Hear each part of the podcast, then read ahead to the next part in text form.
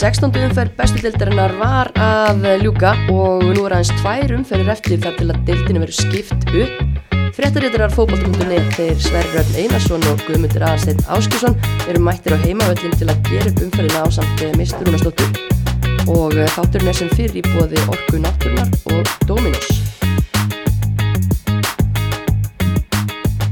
Jæja strákar, velkomnir. Takk fyrir það. Takk fyrir það. Hvað er títt? Það er bara allt, allt gott að frétta. Fótbolta, fótbolta veistla síðustu vikur og bara vikan búin að vera frábær. Já, sömur er bara svona í hápunt einhvern veginn núna, allir að vera stressaði fyrir lokakablanum og allt að gerast.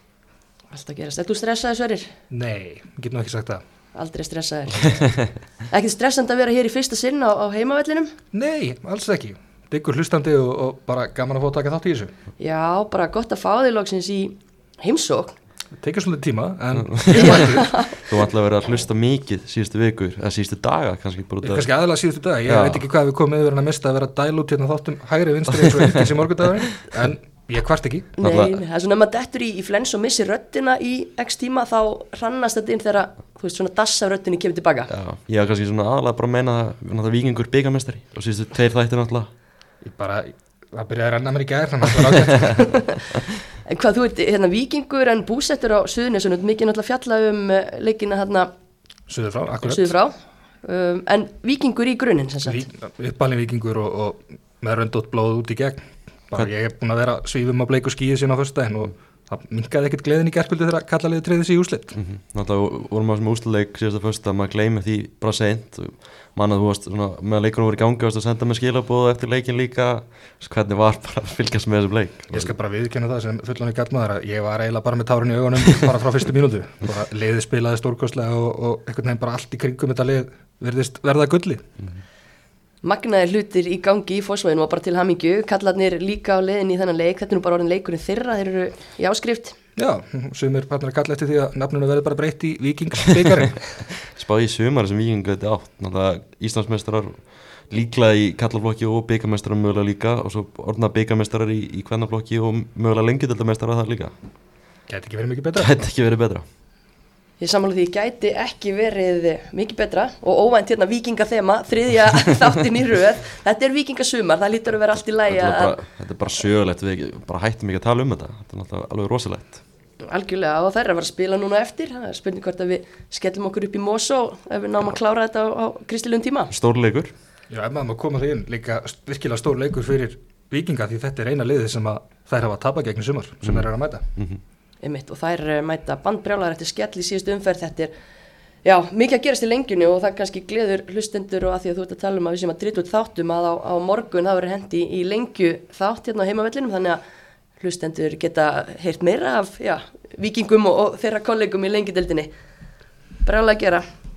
En uh, besta deildin strákar, uh, það er bara tvær umferðir eftir það til að deildinu verður skiptu upp og má ekki segja að í þessari 16. umferð hafi svolítið verið dregnar línur loksins síðan að blessa sand.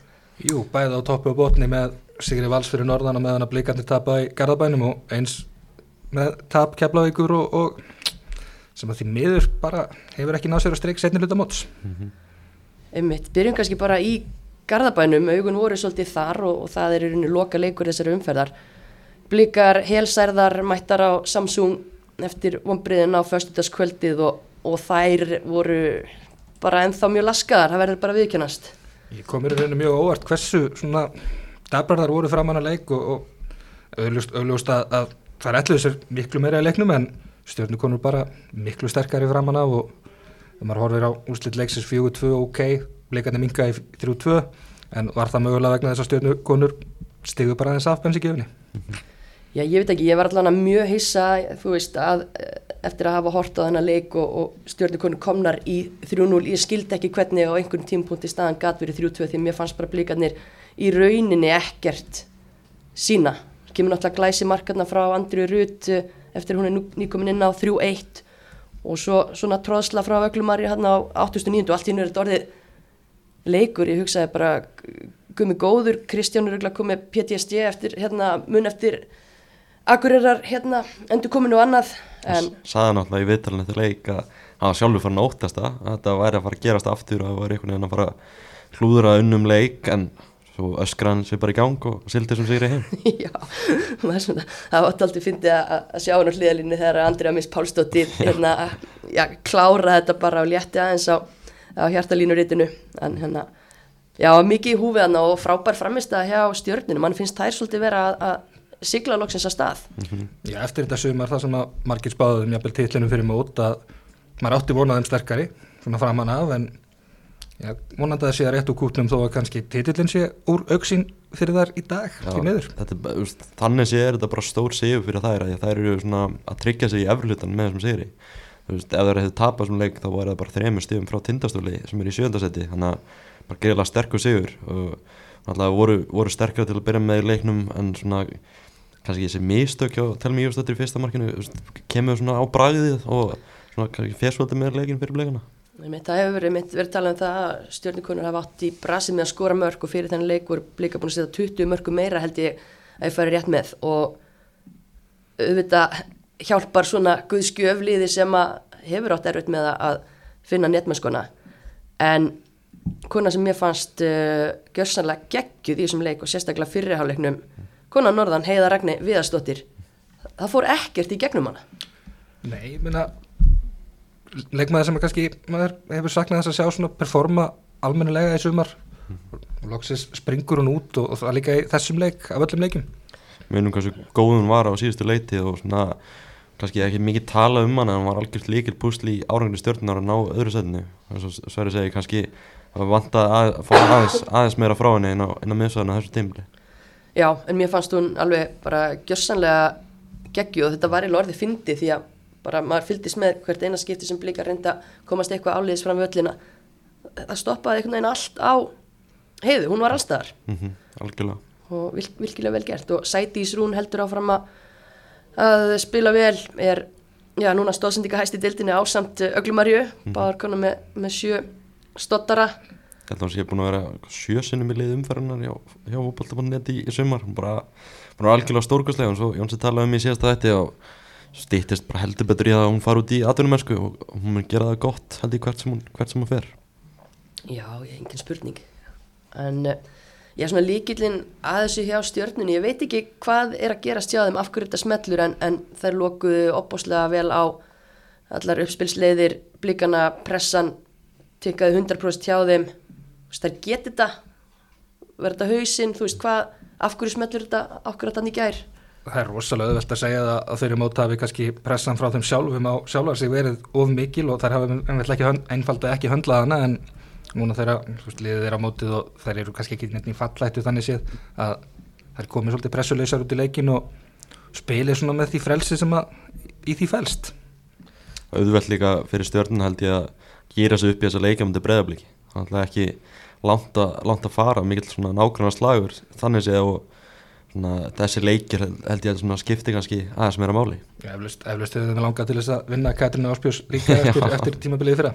Já, það voru alls konar svona kannski rævalrís að já, vilja vinna Katrínu og, og Málfrýr Erna vildi pottitt vinna Hafrunu Rakel líka eftir, eftir síðasta leik. Þessi myndana úr fyrirleinum hefur svona aðeins svona, svona einhvern veginn hægt að nota hana meira í einhvern svona mýmtilgjöki núna gaggort blikum eftir að svona hvernig sumari hefur farið hjá þeim upp á, upp á síkasti Já, en við erum ekki það næst í að vera að sparka það í líkjandi mann, ég ætla allavega ekki að taka þátt í að dreifa þeirri mynd Ég sá að voru einhverju stjórnum en að dreifin á Twitter í gerð sko. Já, það einhver, einhver enda og pyrraður eftir, eftir fyrirleikin hvernig, hvernig það atvikaðist Já, en blikar bara það er ekki hægt að sleppa því að ræða bara gangmála þar, þetta var bara vonlaus framistæða í fyrirháleik Já, og, og bara svona einhvern veginn framald af þessum umulega byggarúsleikja bara mætti ekki til leiks í byggarúslinn mætti ekki til leiks í gær og þetta er bara alls ekki alls ekki bóðlegt fyrir, fyrir liðans og breðablík sem er búið að leggja eins,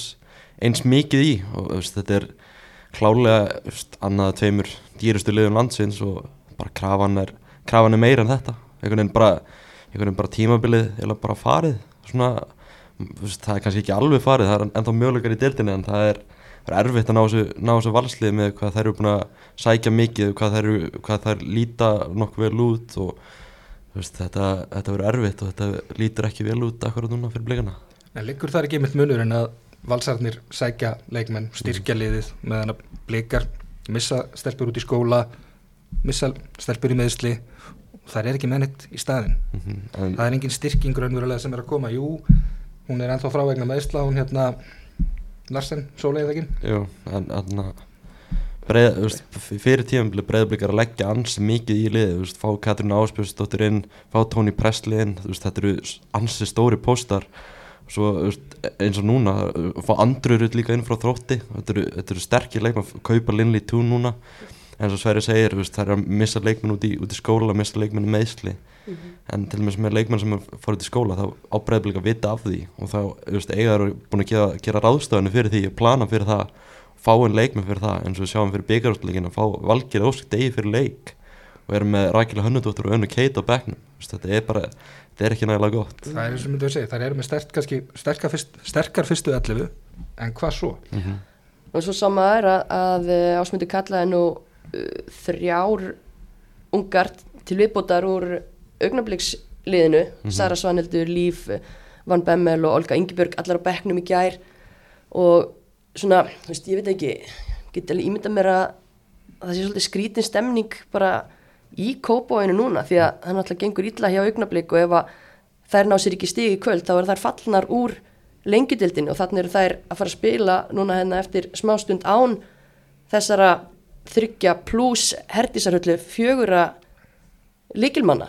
Já, Viktoria Pari sem var ekki á bekknum, hún var líka kvöldið tilbaka. Þannig að veist, hvernig er áran hann yfir? þetta er- okkur skrítið eins og segir. Þetta er bara einhvern veginn búið að breytast í eitthvað mjög svona súrt. Þetta er orðið mjög súrt einhvern veginn. Mjög skum, skum tíma er þetta búið að breytast. Alveg ríkilega snögt og það er líka bara mjög slæmt fyrir breyðablík því að þetta augnabliksverkefni og þessi leikir sem að þær hafa verið að fá í lengjadildinni þessar stelpur að þetta hefur verið opbúslega mikilvægt fyrir uppeldistarfi hjá blíkum sem hafa verið að skila góðum leikmennum upp í starfið á undanfjöndum árum. Við getum ímyndað mér að veist, þetta, er, þetta er ekki gaman fyrir ás að sjá liðið að veist, vera á þeim stað sem það er í dag en veist, ég, veist, þetta er ekkert, ekkert skemmtilegt fyrir hann heldur að þurfa að púsla einhvern veginn í vörnina aftur hjá sér, það er náttúrulega stór mínus að Ásta og Tóni eru báða mittar og erfitt að vera án þeirra í, í varnalinn Já, algjörlega, það er náttúrulega er stóra vandamálið og eina, eina vandamálið sem var ó, fyrir séð en þannig er jú fótboltinn og, og já, blikar allan að komnar í eldinguleik núna, það eru farnar í farþegarsætið, uh, það er nóg eftir enn þá Já, en ef, veist, ef blikar enda tímabil titlalöfst, jú, það er kannski snúa aftur í aftur í meistaröldina en þá verður verða örgulega eitthvað samtöl um það í Kópavogi hvort ásins ég rétti maðurinn. Það er búin að fara tvísvar í byggarúslega leik og vera að missa deltatillinu þá kannski annar í röð veist, fara titlalöst í gennum tvö tímabil veist. Þetta er eitthvað ekki ásannlegt fyrir, fyrir breyðablik sem er bara stórveldi í kvennabóltan Nei, um mitt en talandi um uh, annað, já, stórveldi stórveldi fyrir norðana stórveldi hlýðarenda var Þór Káa Valur og valskonur já, þær matla þær eru farnar að matla og uh, ná sér bara í aðra að- ná sér bara í danska landsliðskonu fyrir áður glukkin lokar og það er alltaf sér stóra hluti það sem eftir er tímabils glukkin ennú reyndar lokar þannig að við getum hætt að vera að refresha sjá hvað er að detti inn í á hlýðarenda en einmitt ennið danin mættur uh, það er þvílík samkefni þar fulli bekku fyrir norðan leikmenn sem að voru kallað tilbaka sem voru ekki eins og ná bekk. Þannig að þessi hópur er getur bara skelli hlæðir áfram inn í loka, loka kefnina hópurinn orðin gríðalega sterkur. Bara eins og við vorum að tala um daginn þetta er bara að fara að minna á hverjum 2006-7 valsliði bara landslýrkona í hver, hver einustu stöðu og bara geðvögt og fyrir utan það þá er liður bara orðið það vel rútínir að í það að vinna leiki að þær þurfa ekkert að eiga topp framistöður þetta er bara að vinna þetta, fara þetta áfram að gömlum vana eins og gömul dísilvél. Já, akkurat og það var kannski einmitt málið. Þær voru ekkert uh, voru ekkert á sínum besta degi þarna fyrir norðan og, og en samt einhvern veginn var þetta bara solid hjá þeim fannst manni. Ég tölunar þrjú tvö kannski gefa þetta kynna að leikurinn hafi verið jafn og spennandi en þær í rauninu voru samt aldrei að hleypa Þór Káa í einhverjar hættulega sensa Nei, allan í það var kannski svipað eins og Samsung að, að svona virtist uh, ekkert stefna í annað en að, uh, liðið var að fara að vinna örgan sigur en það kemur svona smá skjálti hann í lokin er að frábær Bríett uh, Jóhannsdóttir kemur inn á í öðrum leiknum í röð að skora nánast í sinni fyrstu snertingu A gegn breðablík, B gegn val þetta er stelpa fætt uh, 2006 Já, Jú, er- fær örgulega verulegan hausverk í næsta leik og hvort hann er ekki bara veljan í byrjunulið því að ef, ef við skoðum mínútur og skorum mörg þá hlýtur tölfræðin að vera mjög góð sko. langbæstu tölfræðin í deildin eða skoða það. Algjörlega. En, Svo er líka Pétur fann bara að hitta útlendinga. Hann hefur ekkert verið neitt rosalega góður í því Ég veit ekki hvort hann sé alltaf að velja en Valsliði hefur ekkert verið rosalega gott í að velja útlendinga en svo er þessi Lisa Dissing núna mætt frá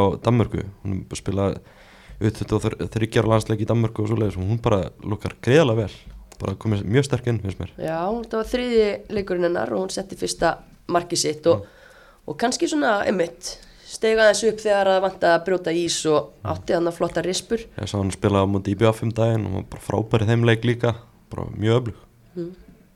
En eins byggjuðu við getur hósa val að mikið hrigalega hljóta norðan konur að hafa verið fúlar með tvö af þremmu mörgum sem það fengi á sig í leiknum Já, þetta var svona lu- lufsulegt. Svona heldur og einhvern veginn já, getur við ekki bara kallað þetta skítamörk? Jú, jú, það má, má, má nota það þau orð yfir þetta vissulega skýta mörg Þorka var búið að tapa fjórum að síðustu fimm núna í deildinni.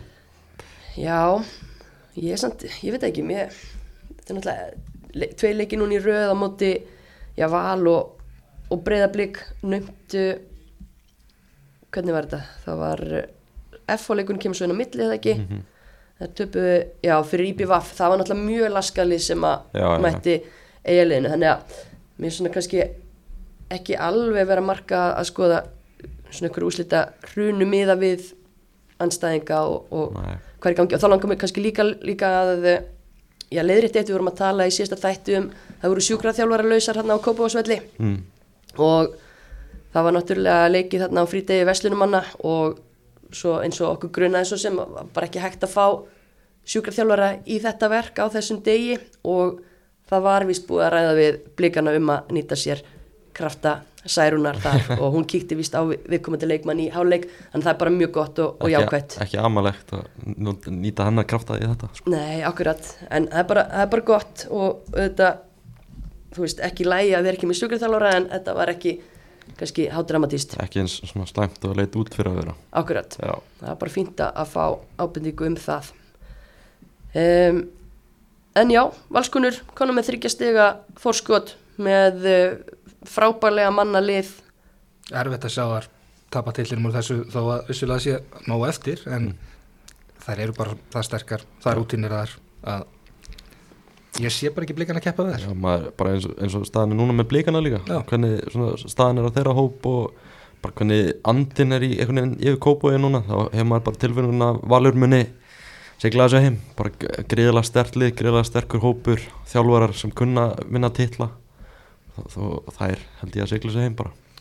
En það, það verður spennandi að fylgjast með eh, þú veist, þegar deildin skiptist hvernig það, hvernig það fer það verður bara spennandi að fylgjast með hvernig, hvernig Valur verður, Pétur velur í liðið hjá Val með við breytina Það er, það er hausverkur, sjálfskeipaður. Svo meistaröldin náttúrulega að fara að byrja fljóðlega Já, hún er hann í byrju september, ég ger bara kröfu að það var fara í reyðlakefni er það ekki? Jú, með með- þennan hóp. með þennan hóp Já.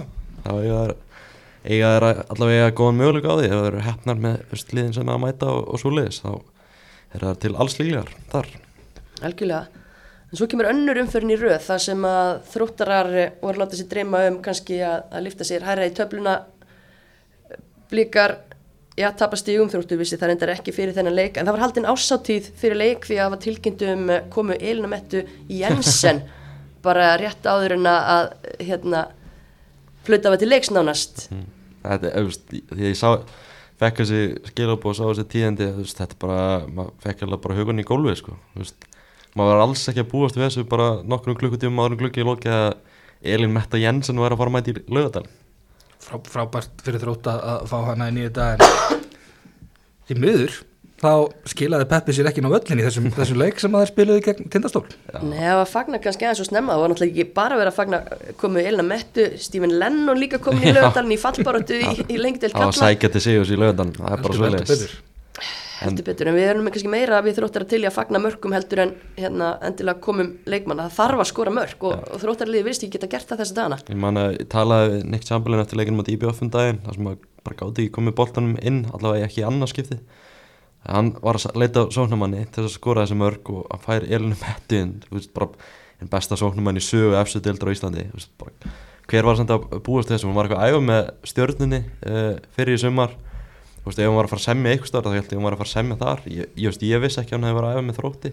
Það hafi verið þú veist, betra haldið utan um það leyndamálinn í, í Garðabænum og svo er hún bara allt í hennu, allt í hennu mætt í, í þrótt. Ég, veist, ég bjóst ekki við því að hún væri að fara í spil í sumana því hún er eitthvað vinnaðan fyrir vestan og eitthvað svoleiðis.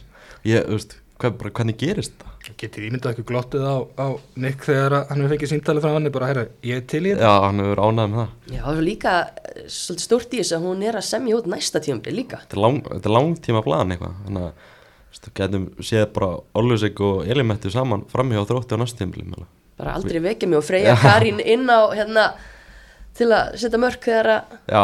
einhver stípla er. algjörlega, þú veist, hvern, með, hvernig er bara stemningin í köttarasamfélaginu akkurat núna Það eru köttir að samfélagi, það er bara, allsælt þegar það er ekki að horfa á fótbolta, þegar það er að lesa fréttir á liðinu sínu.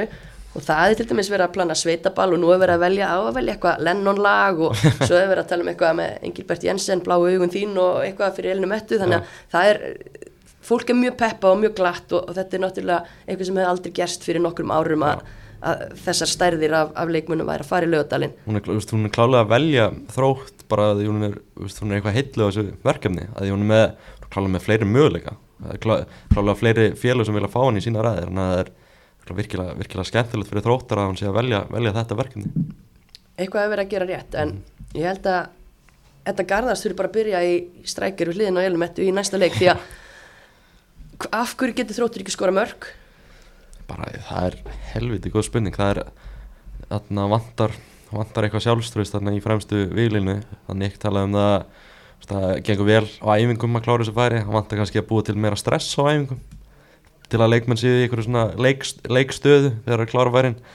En veist, ég bara viðkynna að ég veist, bjóst til með meiru frá freyjukarinn þegar hún fengi ábyrna veist, hún er náttúrulega ennþá unga árum en var að koma greiðala sterk inn þegar hún var að koma inn sem varamæður í byrjun tímabils og núna er hún náttúrulega að fá meira ábyrð það er Ólasík að fara nút og hefur verið að fá meira ábyrð í sístu leikjum en hún hefur bara því miður ekki verið að delivera. Og það er kannski og mikils ætlast til þess að og svona ungu leikmaður sé að fara að raða inn mörgum í, í þessari deild.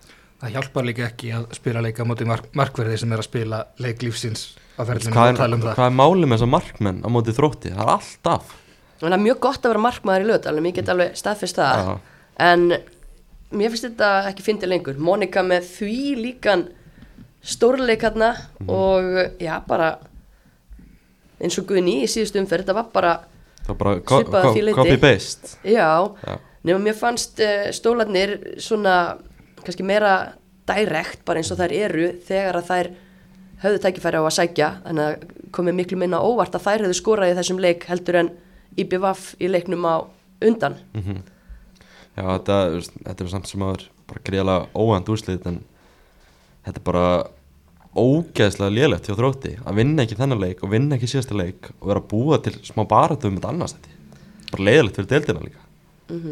En ógeðslega stert hjá tindastóla því að þær voru heldur betur að koma sér í fína stöðu hana í þessum eh, neðri pakka og eru ennþá að freistast til að horfa upp fyrir sig. Það er tvo, leiki núna til þess að ná þessu. Akkurat, sjösti í síðustu fjórum og málið er bara að tindastóla búið að fá skelli á móti þessum toppliðum útivelli. Það eru búin að skítapa fyrir val, breyðablík og Þór Káa úti og að fara svo í laugadalinn og taka ekki bara 1-0 hérna einhvern varnar pökkuna sigur heldur vinna þær 2-0 og ef eitthvað ræði þetta markja á Mjúriel Eins múrialegt mark og bara þú færð gjörsanna frábært hjá henni og hversu mikilvæg er hún fyrir þetta tindastúslið þegar hún er í þessum, þessum haminn sem hún var í á móti þrótti. Bara Þetta Donni hafa sagt við MBL eftir leik að hún væri besti frammerinn í þessari deild stór orð. Já, veist, hann þarf kannski að skora aðeins meira en fjögur mörg til þess að Hvað væri hún búin að skora ef hún væri fremst við liðin á Bryndisi með val?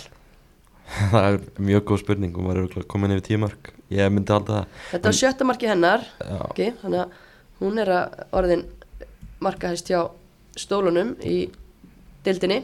Já í, bara í, sögunni þá. Já, í sögni, já, Já. Hún, já. Já, hún, þarna, náttúrulega, það er ekkit efast um að hversu góð hún er. Hún er bara svona, eftir að einhvern veginn springa út í, í bestu dilni og kannski gera hún á næsta tímabili ef, ef hún verður áfram sem ég held að sé nú alla líkur á.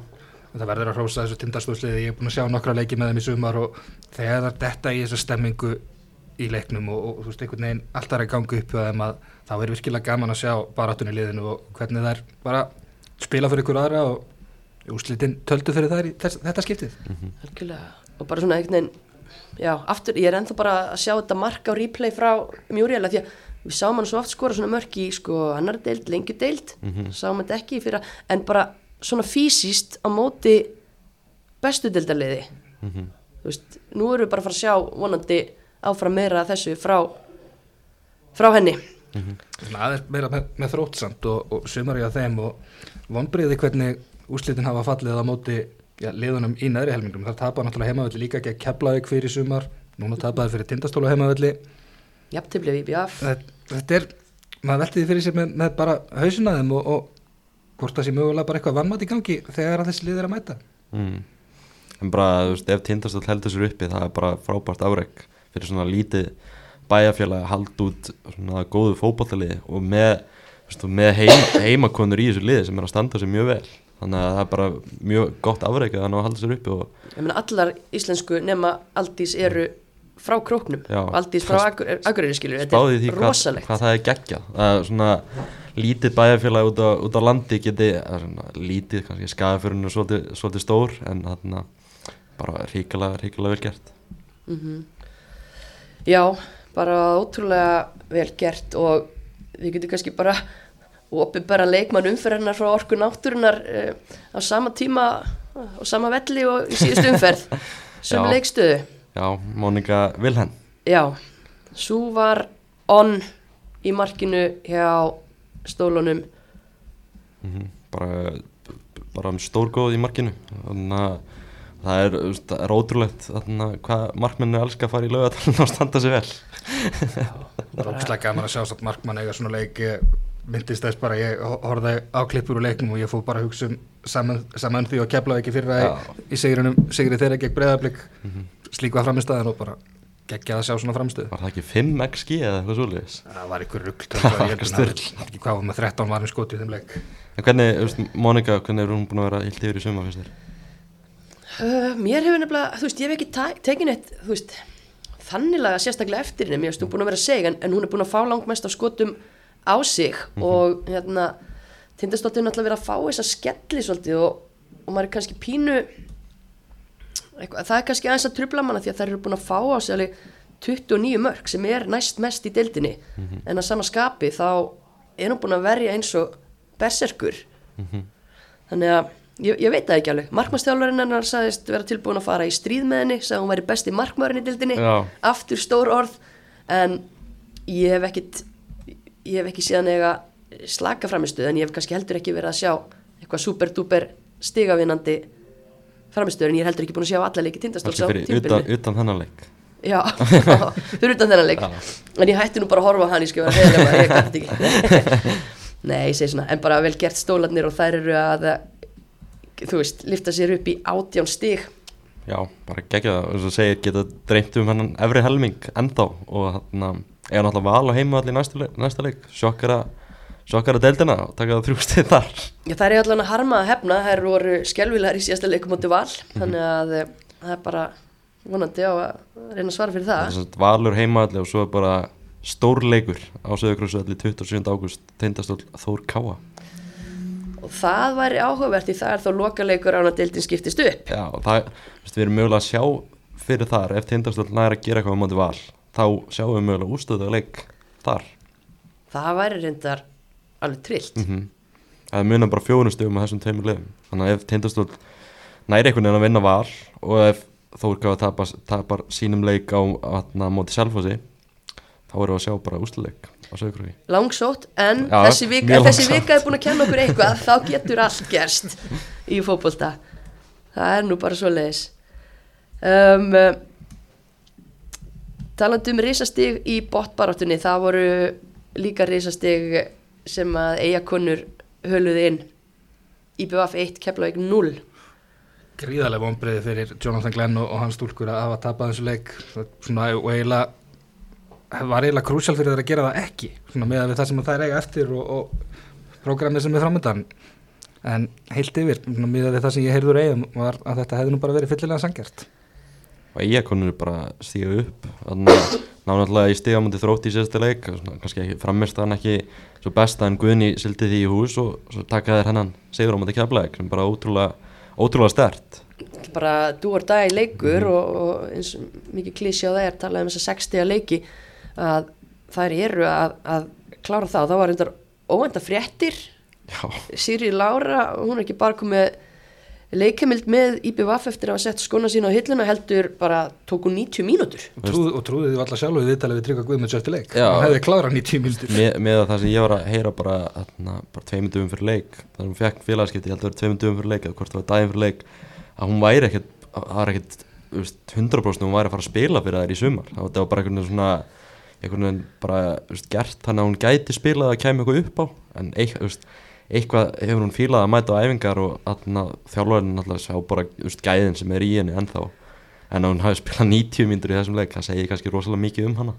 Muna kannski líka óbáslega mikið fyrir IBF að fá svona leðtöga inn á völlin mm -hmm. ég, ég met svona krúsja leik leikmaður sem að, þú veist sísi er sem að er örgulega öskrandi allan leikin og mhm. stýri liðinu af rauksam í runni Náttúrulega þó hún sé með stort F á hjarta þá hún líklega með ennþá stærra eiga hjarta Algjörlega og, og þetta er það sem að, maður hefur verið að, að hefur verið umræðan bara að það vanti fleiri liðtúa sko við meðan það Guðni hérna, klikkaði þarna aftast í markinu og, og reguliði sitt áfram en þú þarf líka að hafa einhvers konar hvað sem er svona trekkjara út á miðjum velli mm -hmm. og, og þar kemur Sisi mjög sterkinn og, og þekkir þetta allt saman veit hvað þarf að gera til þess að vinna leiki og berja liðsfélagin áfram. Mm -hmm. Náttúrulega laði skónu á hilluna fyrir tímumbil en sem maður hefur séð þetta oftar en einu sinni hjá leikmunum sem leggja skónu á hilluna það er tilbúin að koma aftur og við erum að sjá með elimettur líka Ma, maður saknar, ég ekki svona ímynda mér að maður saknar einhvern veginn alltaf fókbóltans og, og stemningunar í, í kringum hann.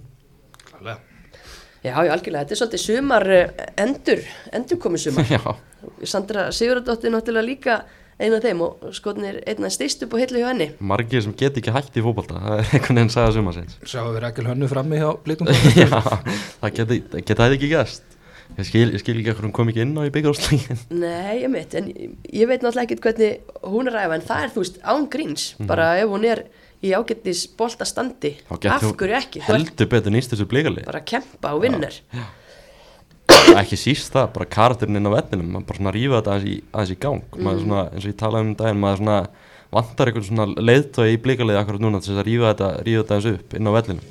Já, en þessi stík sem að eigakonur sækja þau slíta þær frá keflaugluðinu, liðum voru bæði með 14 stík og hafa verið bara svona fylgjast að svona síðustu umferðir. Uh, IBVF konum með þryggja stiga forskot, þetta er náttúrulega gríðarlega mikilvægt fyrir þær og manni finnst svona þó að manni hefur ekki finnist kannski liðsheildin beint verið að smetla þá eru þar með einstaklingar sem geta klárað leiki og það er kannski anstæðan við það að, að Keflavík hefur ekki verið að ná að grænda þessa leiki síðan bara í byrjum móts. Ja, Keflavík tapaði rosalega miklu þegar Linli Tú fór til Breðabliks og hún var brotturinn í sóknarleik þegar þú hún hafi kannski ekki skorað öll mörkin en óknin sem að henni stafaði opnaði svæði fyrir aðrar og því miður þá bara datt botnin úr öllu sem heit sóknarleikur hérna við brott hvarf hennar. Mm -hmm. Það að fá Amiru Hussein eiginlega bara í staðin fyrir hana fá einhvern einn leikmenni viðbútt held ég. Uh, en það er náttúrulega erfitt veist, fá einn leikmenn á miður tímabili sem þurfa að aðlast þeirra leik nýju, nýju aðstæðum og fleira þannig að það gæti tekið smá tíma og það er kannski hafi ekki þennan tíma. Þá þurftur að deildin muni skiptast og fá þannig þrjá auka leiki en það, það gæti orðið erfitt Ég held að það sé bara mjög erfitt og þeim gengur, já, hefur ekkert gengið vel að skora mörg og eru búin að missa, emitt, eins og segir, þeirra helstu ókn út, þeir eru bara búin að skora nýju mörg og það er jafnin lítið og selfoss og næstalið fyrir ofan er tindastöld með 14. Menna, þú veist, horfir á þetta lið, hver á, hver á að skora mörgin akkur núna? Það er svona helsta óknun í síðustu leikjum hafi verið skot frá, skot fyrir utan teg frá til dæmis eins og Mattisson sem er hendar hefur verið fín í síðustu leikim mm -hmm. en hún er ekki að fara að skora mörgin nei, hún, nei, hún er ekki að fara, að, fara að leiða lið, liðið áfram í markaskórum þó hún, hún sé með fína skotfót en það bara vantar eitthvað. Mm -hmm. Já, þú þekkir þetta lið vel þú ert hérna, mætir alltaf á þeirra heimalegi og, og skrifar hérna á flesta, ég meina eiga þær sjens bara? Allt eiga, þær sjans en þær þurfa að finna aftur formið sem þær voru í upphæðu mót sem byrja mótið á, markalösi jafntefli gegn tindastólun, fara sér norður og Akureyri og vinna þar Þór Káa, skellur fylgir í kjölfari vissulega gegn breðablик en þær vinna tvo af fyrstu fjóru leikisunum í dildinni og var það blekki okkur? Mögulega en, samt ekki, það eru hörku spilarar í þessu liði, varnarlega er liðið stert og þær eru með fínan markmann en einhvern veginn bara verðist skorta sjálfströst fram á völlin já, hvar, hvaðan munu mörkin koma, það er nú stóra spurningi það fengu hann að já, Amíra, svona sóknarþengjandi miðmaður, svo kom hún frá uh, Redon, Redondo? Já, Rendeiro. Rendeiro. Mel- Melanie Claire Rendeiro. Hún hérna lofaði svo sem góðu í, í fyrstu tveimur leikjunum sínum og, og hérna já, setti mark og, og svona skapandi. En hún er ekki pjúra nýja? Nei, ég meina hún er búin að spila á miðjunni eða út á vinstri kantinum. Nei. bara þurft nýju þess að fylla í skarðið fyrir lenni í tóum enn eitt liðið í þessari deild sem vantar nýju bara það er hérna stóra nýjulösa sumarið. Ég, spurning. Ég efast ekki um að þær hafi virkilega leitað að þau hafi verið að leita nýju til þess að fylla upp í skarðið en, en það bara við- verðist ekkert að hafa gengið. Ætlum við reynd að fá snæti sig aftur frá stjórnni það hlýtur að vera eiginlega Get, getur eiginlega ekkert annað verið sko. Nei. En með að við hvernig F-fólið er að spila þá er bara því miður, eða þú veist því miður fyrir hinlegin, það er bara tölvægt með spennandi að, að detta það inn núna og það er náttúrulega vinna frábæran úti sigur á Selfossi Mhm. og gátt eiginlega bara svolítið mallað í öðrum gír hreinlega Já, eftir að hafa komist í góða fóristu þar. talandi um snæti sem bara mætir hann inn og skorar hvað er fyrsta leiknum sínum Já, skýrskilabóð. geggið byrjun hann hann F.A. kemst hann í í- hvað, 3-0 í, í þarna bara eftir hálftíma leik bara búið Já, þetta er bara einhvern veginn Selfoss næri ekki að finna neitt, neitt stöðuleika í, í leik sínum uh, þetta er uh, þú veist, skoðar litakorti hjá þeim á KSI sigur að töpu í aðtöfli þetta er bara eins og regnbói vinna hana í eitt leik þrjú, þrjú töp og, og jafntöfli þetta er alls, þetta sumar hjá Selfossi er náttúrulega bara ekki búið að vera gott bara alls, alls, alls ekki. Nei, og bara skelvilegu varnarleikur sem er að eiðilegja þessa leiki fyrir þeim svona einhvern veginn allt og snemma. mm og mér, þær voru bara á eftir í allt og, og það er svo sem eru mörglið sem hafa lendi í erfileikum með að klukka F-ángana í allt sumar en, en þetta var bara svona Þetta er ég svo- þetta er svo skrítið með Selfoss varnarleikin, maður hjælt einhvern veginn að svona eitthvað sem var ekki ára á vandamál með Selfoss að varnarleikurinn. Að þið var með svona allavega fyrirfram bara geggja miðurapar algjörlega, Ástu Dóra og Sigur Aldóttir það á bara að vera eitt besta miðurapar í deildinni. Það eru það eru búin að eiga leiki hér og þar en bara svona heilt yfir bara ekki verið góðar í sumar. Já, já, en vörnir heldur ekki bara spiluð af miðvörunum og það er kannski líka það sem að manni hefur Nei, fundist vanda upp á hjá selfóðsliðinu, bara Bara- tengingin frá fremsta til aftasta manns, algjörlega. Þetta er búið að vera opbúslega losaralegt. Við erum oft búin að sjá það líka tapa boltanum á vondum stöðum og þar sjáum við miðverðina kannski lítið geta gert þegar að boltin tapast tíu metra fyrir fram að teg og, og, og fá þessi marki andlitið. Mm Algjörlega. og það er greiðin lenda alltaf við því að vera á sjónvarsklippunum það lítur alltaf vest út fyrir, fyrir eftirstu menn í, í, í, í þeim bransa sko. Já. En eins byggjuðu við töluðum um áðan og spurðum raunhæft hvort að Keflavík ætti séns. Er þetta ekki það búið hjá Selfossi? Já, þetta er ekki alveg búið, það getur veist, fundið, fundið eitthvað þannig að þegar deildin, deildin skiptist. En þannig að bara með að hvernig sumari ve hefur verið þá er þetta bara erfitt að sjá þær bjarga sér, bjarga, bjarga sér úr þessu. Já, það eru 6 stig í IBVF, það eru 15 stig í þessum blessa potti. Þór Káa næst, það þú bara að vinna þann leik bara allt annað en þrjú stig bara, ekki, bara eiginlega ekki ásannlegt með stöðuna sem eru í. Nei, en hvernig hvernig mótiverður þig það, það sem að kannski Bjössi talaði um að var ánæði með setni hálfleikin í síðasta leik, þú veist, hann var ánæði með ungu leikmennina sem er að koma inn. Þú veist, ég veit það ekki er þetta bara, er þetta, að tala við liðið þitt líka og er þetta að peppa þær áfram en Nú, svo núna er bara komið að, komið að krönsta það er alltaf ekki að spila í lengi til tímabili það er bara sigur í þessum leik. Þetta er ekki flókið. Nei, þetta er ekki flókið. Mhm. og já, á sama tíma og það er bullandi hausverkur og, og vesen hjá Selfossi þá er FA að bæta stegamitt sitt Mhm. í efstu deild og tryggja sig í, í efri hlutan og það er alveg sama hvað gerist núna hjá þeim. Þetta er búið að vera magna tíumbil algjörlega. Bara það, þannig sem þær mótiverið þessu í, í þennan leik bara vinna þennan leik og tryggja sér sett í efri hlutan bara verið gaman að fylgjast með þessu verkefni í hafnafyrðinum og, og svona stendur svolítið í þetta í fyrra fólk var óbærslega jákvæmt eftir, eftir sigurunni lengi dildinni og, og bara þeir tóku, skre- þær tóku skrefið skiluðu sínu geta gengið sáttar frá borðið þú veist, ég þá móti verið flautaða núna það var, bara, það var ekki að kvartundan inn í höfðum nema kannski þær eru eflaust ennþá fúlar að hafa fallið út í undan og slutum í byggar Já, það er það kannski er nú fleiri. það er kannski særi henda á en þú veist, bara, já, maður getur alveg ekki sagt nægilega mikið um hversu veist, flott þetta F-fólið hefur verið í sumar. Náttúrulega verið eitthvað svona skakkavöll upp á síkastið og það hefur trubla og svoleiðis en, en bara þetta sama hvernig fer núna, frá, veist, það sem gerist í framhaldin núna, bara stórkostlega tímabil og mann, ég talaði, talaði Guðna þjálfur um daginn og hann var ennþá að bögga sig á því að hann hefur verið spáð tíundasæti fyrir tímabil hérna á .net. Hann, hann saði réttilega bara fyrir tímabil í viðtali fyrir tímabil að veist, ef FH ætlar að kalla sig stórveld í íslensku fótbolta þá er að vera með lið í efstu deild kalla og efstu deild kvenna.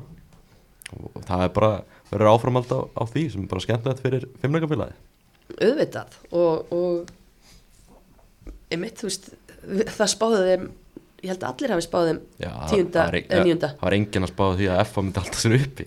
Hvað það var svona? Þetta er bara, bara stór, stórkostlega tímabil og það er kannski fyrir mig sem haugamann. Það er ekki langt síðan veist, FH haugar voru svona á, á svipiðum stað í í, í, í, þarna, í kvennaboltanum og haugar voru veist, í efstu deild og meðan FH verið lengi deildin og svona.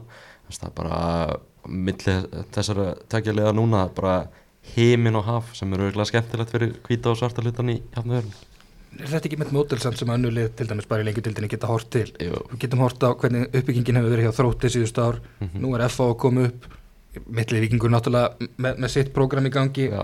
þetta er ykkur uppskrift sem er voðalega svipu hjá öllum liðum sem er augljóslega að virka. Mm Rálega þetta horfum við í þetta FH-módel, hvernig það verið gert að halda svona einhvernum kjarna og byggt upp enkenni, byggt upp leik, leikstíl. Það er kannski svona stærsta í þessu það er bara með sín enkenni og leikmenn trú á hugmyndafræðina sem þjálfarinn eru með. Og það, það er kannski bara stærsta ástæðan fyrir þessu. Leikmenn eru tilbúin að veist, gefa allt fyrir þessa hugmyndafræði og bara fyrir félagi og kannski líka bara þólimæðin af því að þetta er alveg búið að taka tíma þetta voru erfi fæðing og, og FH fór upp þarna á já, fyrir ekki svo löngu og það gekk ekki upp. Og svo mistókst þeim að fara upp en það hefur haldið tryggð við bræðina í þjálfun og, og svona umgjörðin bara haldið sér að, skila sér. umgjörn í kringum liði maður tekur bara eftir því að maður fer á völlun og, og svona bara greiða vel staðið að hlutunum og bara FH bara mikið hrós skili fyrir það. Algjörlega, og nú er það líka búin að breyta, þú veist, IH-konseptinu, í fyrra var þetta svona meira, maður að segja, bara kempur svolítið að, að leika sér og einhverjar yngri með, en núna var því breytt, bara kempur því farið í, í bumbubolta eða þið viljið leika ykkur þar, nú ætlum við að spila á efnilegu árgangunum okkar sem við eigum sem er að koma upp og IH til dæmis bara gera frábæra hluti í, í annari dild og þess að það er stór skemmtilegur annar þetta já, hún er eitthvað annað maður, fylgjast eitthvað með henni sérir? ég hef lítið geta fylgst með henni í sumar því miður. En þú veist bara að skoða töfluna hvað, hvað er að fara að gerast í þessari tilt Áltanis er í áttundasæti með 25 stig Haukar er í öðru sæti með 28 stig. Já, það segir svolítið mikið um þetta bara. Þetta er bara, ef við erum að tala um jafnt sko í lengidildinni frá öðru sæti og nýri sjötta hvað er þá önnudild? já, og svo er náttúrulega í er á tóttum með 33 stig og svona liðin fyrir neðan eða öll leikti góða eða tvo leikti góða þannig að þetta verður bara heldur spennandi til enda Já, akkurat þetta er alltaf trillt, smá útudúr frá F-fengur, en hafna fyrir greinilega bara eða hvít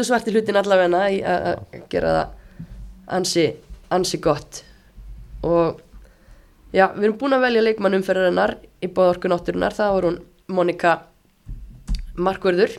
Því miður fyrir þig. Því miður fyrir mig. En uh, eins og í síðustu umferð þá samklædist ég Guðni og ég samklædist Móniku í dag. Mína konur þurfa bara að gera svo vel að gera betur. Þá lítur Telma Ívarsdóttir að stórleik 27. ágúst. Þegar breyðarblik kemur heimsson í lögadalinn það það hlýtur að vera, það er bara að skrifa í skíin ha. en hérna já, Valur á topnum 36 stig þegar 16 umferður eru búnar Selfoss og Keflavík með fjór, 11 og 14 í 10. og 9.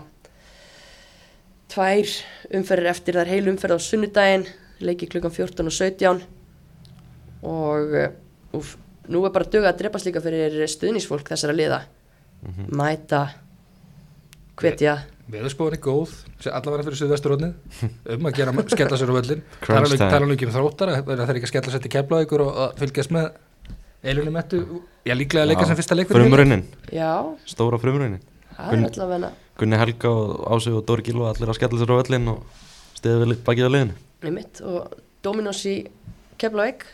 Já, klikkar ekki. Jú, í gær já, það, sko, mikla ammælis hátíð maður. Já, ég skil þetta samt svo fullkomlega. Hvað elskar Ísland? Góð tilbúð Dominos og góð tilbúð Ég veit, mér var svo sk- skemmtilegt að sjá þessa pítsur að ég, það er, þú veist, þetta var matsetin áður en ég fætti sko. var back in the good old days. já, back in the day sko. þannig að hambúrgara pizza og eitthvað. Gula Þannig að þú varst ekkert að tengja við nei, mér finnst gaman að sjá þetta samt. Já, ég sammála. En það var fleiri sem fannst gaman þannig að það sprakk allt. Og stundum er það bara þannig að maður heldur partí og, og það bara mæta og margir og þá, þá gerist eitthvað. Já, ég las leikin vel og ég pantaði pítsu á þriðudaginn Það Ég er sniður Hjælt upp ammælið snemma. Já, svo skils mér nú reyndar að henda í einhvers konar ammælis megaviku eða eitthvað svona Já. fút fljótlega þannig að Það verður veisla. fólk verður vakandi fyrir því. En áður en að fólk mætir á völlin á sunnudaginn bestöldina, þá þarf að ræsa því að úrslitaleikur HM er klukkan 10 á sunnudagsmotni og við sleppum nú messu fyrir það. Heldur betur. Já, já, það er engin messa á sunnudaginn Bönnin verða sett út úr trampolínu og, og, og kveikt á sjónvarpunni til þess að fylgjast með leiknum. Það er klart mál. Heyrði, en það er evróskur úrslitaleikur Englands bát Já, og og veist, þetta svona, Þetta gæti alveg ekki verið betri úrsluleikur Þetta eru bara tvö stórkostlega liða að metast. Þú veist, England hefur kannski ekki sínt á þessu móti En þær eru geggjar Erum við ekki að tala um það að þetta séu líklega tvö bestu fótboltaliðin í rauninni á mótinu sem að og við séum að fara að sjá einhvern alvöru fæting og, og frábæran fótbolta. Mm Jú, ég held að þessir undanúrslitaleikir þeir voru líka stór skemmtilegir. Ég segi samt bara auðmikið að Sam Kerma er búin að skora drauma markið og klikka svo tvisvar hann þannig að það geta jafnað. Þetta, þetta mark sem hún skorur er bara eitt besta mark sem maður hefur séð. Bara geðveikt mark. Ella Tún náttúrulega skorar hann að fyrsta marki í leiknum. Hún klíndi honum upp í, í skeitin eitthvað svona með ristinni. Geðveikt mark, þetta var bara þetta var stór sýning geggjaðar að marka hann í byrjun þarna fyrstu tvö markinu í þessum leik. Algjörlega og svo náttúrulega það var auðvitsið að Ástralía vildi og vildi og vildi fara í úrslitin. Færi náttúrulega sem misnotar dýr og englendinganir með, með vikmann í brúni Já. refsuðu. Það er gaman að sjá þessa tengingu á milli Elu Tún og Alicia Russo Það eru erfitt að sjá þær í sitt hvort liðinu í ennskórustelinni í vetur. Já, það verður, það verður svolítið skrítið. Já, best, bestu vinkonar já, já. En Sarina Víkmann minna hún Já, gerir bara það sem hún gerir. Já, það er bara auðvitað allir englendinga að vera með hana sem landstjálfara bara þetta er held ég bara lang, lang besti þjálfari í heiminum í dag í, í hvernaboltanum og þú veist, ef þú ert að taka einhvern kallaboltan inn í þetta þá er hún bara, þú veist, ofalega líka. Þú veist, þú ert með Pep Guardiola, Jürgen Klopp og Sarina Víkmann einhvern veginn. Sarina Víkmann, þú veist, hún er að fara í fjórða úrstæðleikin í röð það er einhver ástæða fyrir því að frangatastjóri ennska knaspundu sambandsins segir hann að koma til greina þegar mm. Garði Salki tættir. Já, þú veist Þa, það, þá er hann ekki að taka veist, hann orðaði þetta mjög vel hún er ekki að taka, ef hún, feri, veist, ef hún verður ráðum þar inn þá er hún ekki að taka skref upp á við hún er bara að taka einhvern veginn skref til hliðar.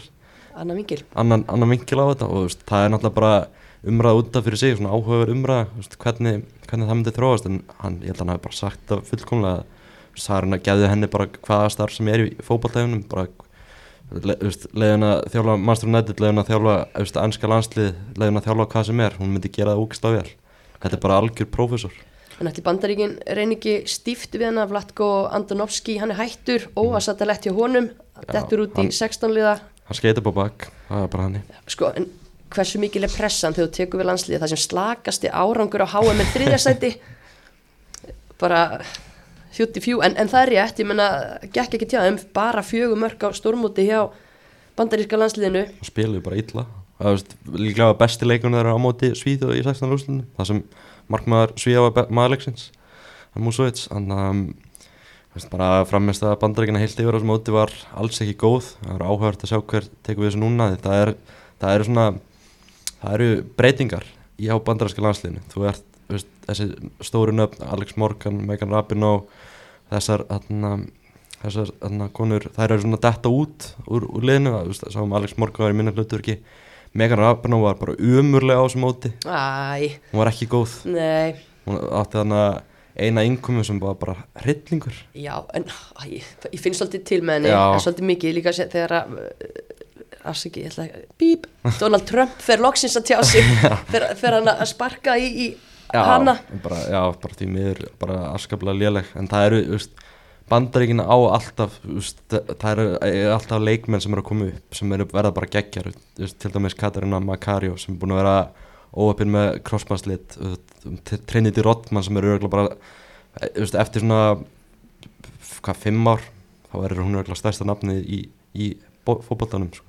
Bara í, í, þarna, í svona, í kvennabóltan bara mjög öflugur leikmaður og þarna greiðlega spennandi leikmann þannig að eru, það eru mjög spennandi leikmann að koma upp hjá, hjá bandaríkunum og vera fróðilegt að sjá hvað gerist næst í, í þjálfurarmál sér frá árangri bandarækina sem var slagur samt að að vond að sjá þessar góðsagnar eins og Rapino og Morgan hverja sviðið með þessum hætti. Allt sem þeir hafa gert fyrir hvernig knarspinn og heimsvísu bara mann er langar bara til að segja takk. Og hvern, hvernig þetta við enda munum það, Já, ég er búin að gleyma hvernig þetta endaði. þannig að þannig að Varslan þannig að sem endaði einhvern veginn inni það var Já. rosalegt Það var reikalegt. En haldið að Sarína Víkmann uh, kalda gott með ennska liðið ef hún vinnur á sunnudaginn? ómögulegt að segja það eiginlega því að hún, hún er samningsbundin 2025 þannig að hún er áfram með samning en þú veist ef hún vinnur HM þá er hún náttúrulega búin að vinna allt sem hægt er að vinna og kannski, þú veist, ef bandaríkinn ringja í hana og ef við viljum fá þig þú ert að koma hérna og breyta þessu úr slæmi í gott aftur kannski heillar það hana, ég veit það ekki. En hvernig svona metið bara hennan úslita leik á, á sunnudags morgun, England á móti Spáni? Hva, hvað haldið þið að við séum að fara að sjá? Ég held að segja, ég held að verði hörkuleikur englendingar, mér finnst við eiga eftir að sjá það besta frá Engl- englendingum á þessu móti Þú veist, þær hafa e- ekki átt eitthvað rosalega gott mót að skrýta að segja að það er komnar í úsleikin það farið kannski svolítið ekki kannski auðvelda leið en kannski fór ekki erfiðustu leiðina. Uh, ætla að vinna Ástralíu undarlöstum sem er mjög gott lið á heimaðalli en það vantar líkilposta í anska lið, það vantar hérna Lífi Viljámsson, það vantar Beth Mead sem voru tværa bestu leikmennulist á Örmundni Uh, ég held einhvern veginn fyrirfram að, að spánverðar séu veist, það hefur mikið gengið á hjá spáni en þær hafa náð það er svona fyrirmótið, það hafa náð einhvern veginn að, að þjappa sig vel saman. Og eru með ótrúlega leikmenn í sinni röðum sem hafa sem séð í þessu Barcelona lið sem hefur verið óstöðvandi í Evrópu, Evrópubóltanum um, þannig að maður hallast einhvern veginn að spánverðum fyrir leikin en við skulum ekki gleyma því, England á Lauren James inni. Er hún að fara að starta? það geti verið eitthvað svona útspil. Hún kemur náttúrulega bara út kvíld í hennar leik. Þetta, það er kannski skrítið að segja en þetta rauðaspjaldana gæti einhvern veginn verið sem að happa fengu fyrir England. Það að væri nú rosaleg sögulína á þessu móti ef að, ef að Lauren James, James verður svo hetjan í úslitareiknum. algjörlega. Og ég held að svona, augun verður svolítið á henni í þessum úrsleik hún er kannski svona X-faktorinn að koma inn og klára þetta kannski En hvort liðið sem vinnur, þá er sögulínan rosaleg því við gleymum því náttúrulega ekki að það er ekkert langt síðan að spænsku leikmenninir vildur hreinlega losna við þjálfara sinn og, og kröfist þess að er þið rekin. Já, Ekki langur tími hefur liðið og þær eru mættar í mhm. Einmitt. bara ka- eitthvað svona þetta segja að sé svona smá karakter í því að koma sér úr þessum erfileikum veginn og ná því að happa sér saman og komast í úrsleik KM í fyrsta sinn geggja það Maður velti líka bara fyrir sér, hversu mikið hefur þetta styrt bara andan í hópnum að gangi gegnum þetta og, og einhvern veginn, það vantalega hafa verið fundur eftir fundur til þess að reynsa andrúsloftið og liðið kemur sterkar út úr því. mm -hmm. Tölum náttúrulega að, að, það var náttúrulega mikið talað um það eftir HM 2019 og hvað hvernaboltinn væri að fara vaksandi og hvað þetta væri að stækka mikið hvað eru að fara að tala um eftir þetta mót þetta er bara, bara ótrúlegt hvað þetta, þarna, hvað þetta, er, að, hvað þetta er að stækka mikið og hvað þetta er, hvað er gaman að, fylgjast með þessu stækka. Og veist bara fótbollin til þessi Ástralíu og Nýja Sjálandi núna bara eftir að hafa haldið þetta mót. Veist, nú eru veist, nú eru krakkar á öllum þessum leikjum og nú eiga þeir sjáanlega fyrirmyndir í, í kvennaboltinu sem bara geðvikt Já, já, já, ég á nokkra vinni hann hinum einu nettinu sem að vissi ekki hvað fótbolti var sko áður en að hérna fór að kynna mótið eitthvað og þá byrjaði mín kona Karen Griffiths kona 65 ára gömul hefur aldrei mitt pælt í fótboltaður byrjaði að mæta á leiki hjá lokalliðinu sínu og nú er hún bara búin að vera að fara á alla leiki sem hún hefur komist á á þessu móti Já, og bara orðin super fan. Mm og hérna, bara sjá, sjá líka bara áhugan á, á Íslandi á þessu móti. Það er einhvern veginn, mann líður eins og þessu ógeðslega margir að fylgjast með þessu. Og bara sjá líka lesturinn á, á fréttunum hjá okkur og þessu í kringum þetta mót hefur verið bara frábær. Já, stór trós á rúf bara fyrir framkvæmdun og bara- production value í kringum þetta. Hefur bara verið virkilega vel í lagt og frábælega gert ná að vakna á erfiðum tímum að fjallum þetta mót og, og sjáum líka í undarúslunum að Jóhannes Kall Guðjónsson aðstofa landstælur er mættur að lýsa með, með hann herði og, og hann Gunnari. Þannig að það bara gefur þessu, meiri, svona, meiri aðtegli og meiri lit veginn. Algjörlega, bara risa hrós á, á rúf allara landsmanna. Ég var að spyrja ykkur út í úslitaleikin hvað segið um þriðja sætið? Það er alltaf svona smá spennufalls uh, skellur Ástralja Svíþjóð laugadagur klukkan 8 það er ræs. Ræs hann að snemma, ég held að Ástralja taki þetta, ég held að það er náðu einhvern veginn að peppa sig meiri en að leik alltaf erfitt að peppa sig í svona bronsleik einhvern veginn eftir að hafa mista úsleikin Ástralja er að spila á heimaðalli ég held að það er verið dýrvillastur að klára þetta fyrir framann sitt fólk. Já, það er líka, það er vildu meira. Það er vildu úslitin meðan að ég hugsa svíjarnir séu bara sáttir með árangurinn, Mhm. eins skrítið verið að segja það. En á heimavelli með særendin af opni eftir undanúslit Ástralja tekur þetta, það held ég bara nokkuð samfærandi líka. En hversu góð er samkværi hópulta það grínast hversu góð er hún í fótboll hversu súrt er að, að við höfum ekki fengið að njóta hennar allt mótið? Að muna svo litlu. Einhvern veginn hann að eftir hann að hotspunna bara hefði ég getið tekið boltan niður og hamraðanum upp í skeitin. Já, er ekki treyst neittni á vellinu bjöti til að klára þetta en henni en svona gerist bara. Fótboltin er grimm íþrótt. Já, og það, veist, það var líka á þessum móti veist, vaknað bara nýja stjörnur. Veist, sjáum hann að Lendi Caicedo í Kolumbíu sem hefast ógeðslega gaman að horfa á. Og sjáum hann að í spænska spænska landslinu það eru nokkrir mjög efnilegi leikmenn að stíga upp. Þetta hefur verið bara ógeðslega gaman að fylgjast með þessu og, og veist, einhvern veginn nýjar kynnstofin svona að taka yfir svolítið. Algjörlega og nýjar þjóðir að stimpla sig inn og, og fullt af þjóðum sem voru að koma nýjar inn og, og fólk hafði ekki trú á sínd okkur eh, hvað í þær er spunnið. Þannig að þetta verður bara bjartar og bjartar þessi blessaða framtíð okkar. Eitt, eitt þó. Mm. þessar var tilkynningar frá dómurunum Ég finnst mjög gaman að því, ég er mjög hrifin að því það, Ég vil fá þetta í ennska boltan Það það er bara hannig Æ, mér finnst þetta, já. Það er auðvitað erfitt að, skilja það sko, þetta kemur í ennska boltan og útsendingar hérna á Íslandi og eitthvað, reymurinn er svo þykkur á þessum gæjum. Já, En, kannski ein ný, svona ný stjarnar sem er líka búin að fæðast þessu móti Salma Paru- Paruello í, í Spáni. Skoraði hérna í undanháslunum móti hérna Svítjóð uh, fyrra markið sem var geðið mark. Uh, hún var að frjálsar íþrótti bara í fyrra haldi bara búin að helgast þið fótballtar núna að spila með Barcelona bara geggið hvernig er að vera svona góður í tveimur íþróttum? Bara þurfa að velja á milli, ég get ekki ímyndað mér það sko. Já, ég meina frjálstar íþróttir, íþróttir eru geggjaða grunnur fyrir allar íþróttir, þannig að hún býr að örgulega gríðalegum líkanum styrk eftir að hafa verið í þeim. Já, og bara flottur í fótboltan að fá hann inn og hann er sérs við 400 metrar grindalöp alveg, alveg, alveg þól það er spergikraftur það er geggja vann tvö, velun, gullvelun á öðrubúrleikum úlinga og svo er hann bara mætt að háa um að skora mikilvæg mörg og maður spanna verið með úsleikin Why not? Hvetja fólk til að henda bönnunum sínum í, í frjálsar Algjörlega. Samlega fótboltanum það er kannski sniðt Ekki spurning, en er það með eitthvað eitthva meira, eitthvað slúður, eitthvað að lokum? þá erum við kíkjum upp í Mosó bara hvetja fólk til þess að mæta á völlin og, þú veist, stelpunar eiga það skilið í í ykkar leiðum að þið mætið og stiðið þær í þessum, á, í, á þessum loka kabla og er ekki svona aðalega í keflaðið fólk þurfa að drífa svo velli. Eh, það mættum alveg vera betri mæting þar, jú, mér skal alveg viðkjöna það. Sitt maður. Það, er- en svo Sverri segir bara fólk mæti almennilega á völlin og st- styðja á krafti í lók tímumbilsins Okkur, svo kemur nefnilega bara vetur og þá höfum við ekkert að gera. Það hefur ekkert að gera. Það er nefnilega nefnilega málið að vera að stýttast í, í veturinn og myrkrið og allt þetta. Skulum ekki byrja að tala um það.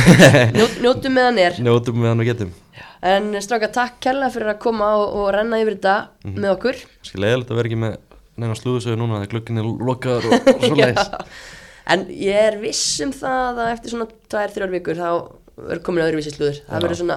Þjálfarasögur og eitthvað svo leiðis akkurat, við, við förum að, dempa okkur í að taka ykkur að legubíla og, og mæta hérna okkur ræmingar hér og þar og, og hlera mannskapin það verður ógislega gaman bara að sjá Elimettu snúða eftir á fókbóðin ég lakka til, ég tek, ég tek hann í viðtal eftir þú tekur hann í viðtalið til leikin Já, við sjáumst í Keflavík á, á, á sunnudaginn og förum yfir þetta. Ha. Er, en já, takk þið og takk Dominus og okkar náttúrulega fyrir að bjóða upp á þáttinn og uh, auðvitað þökkum við ykkur kæra hlustendum einnig. Það er næst.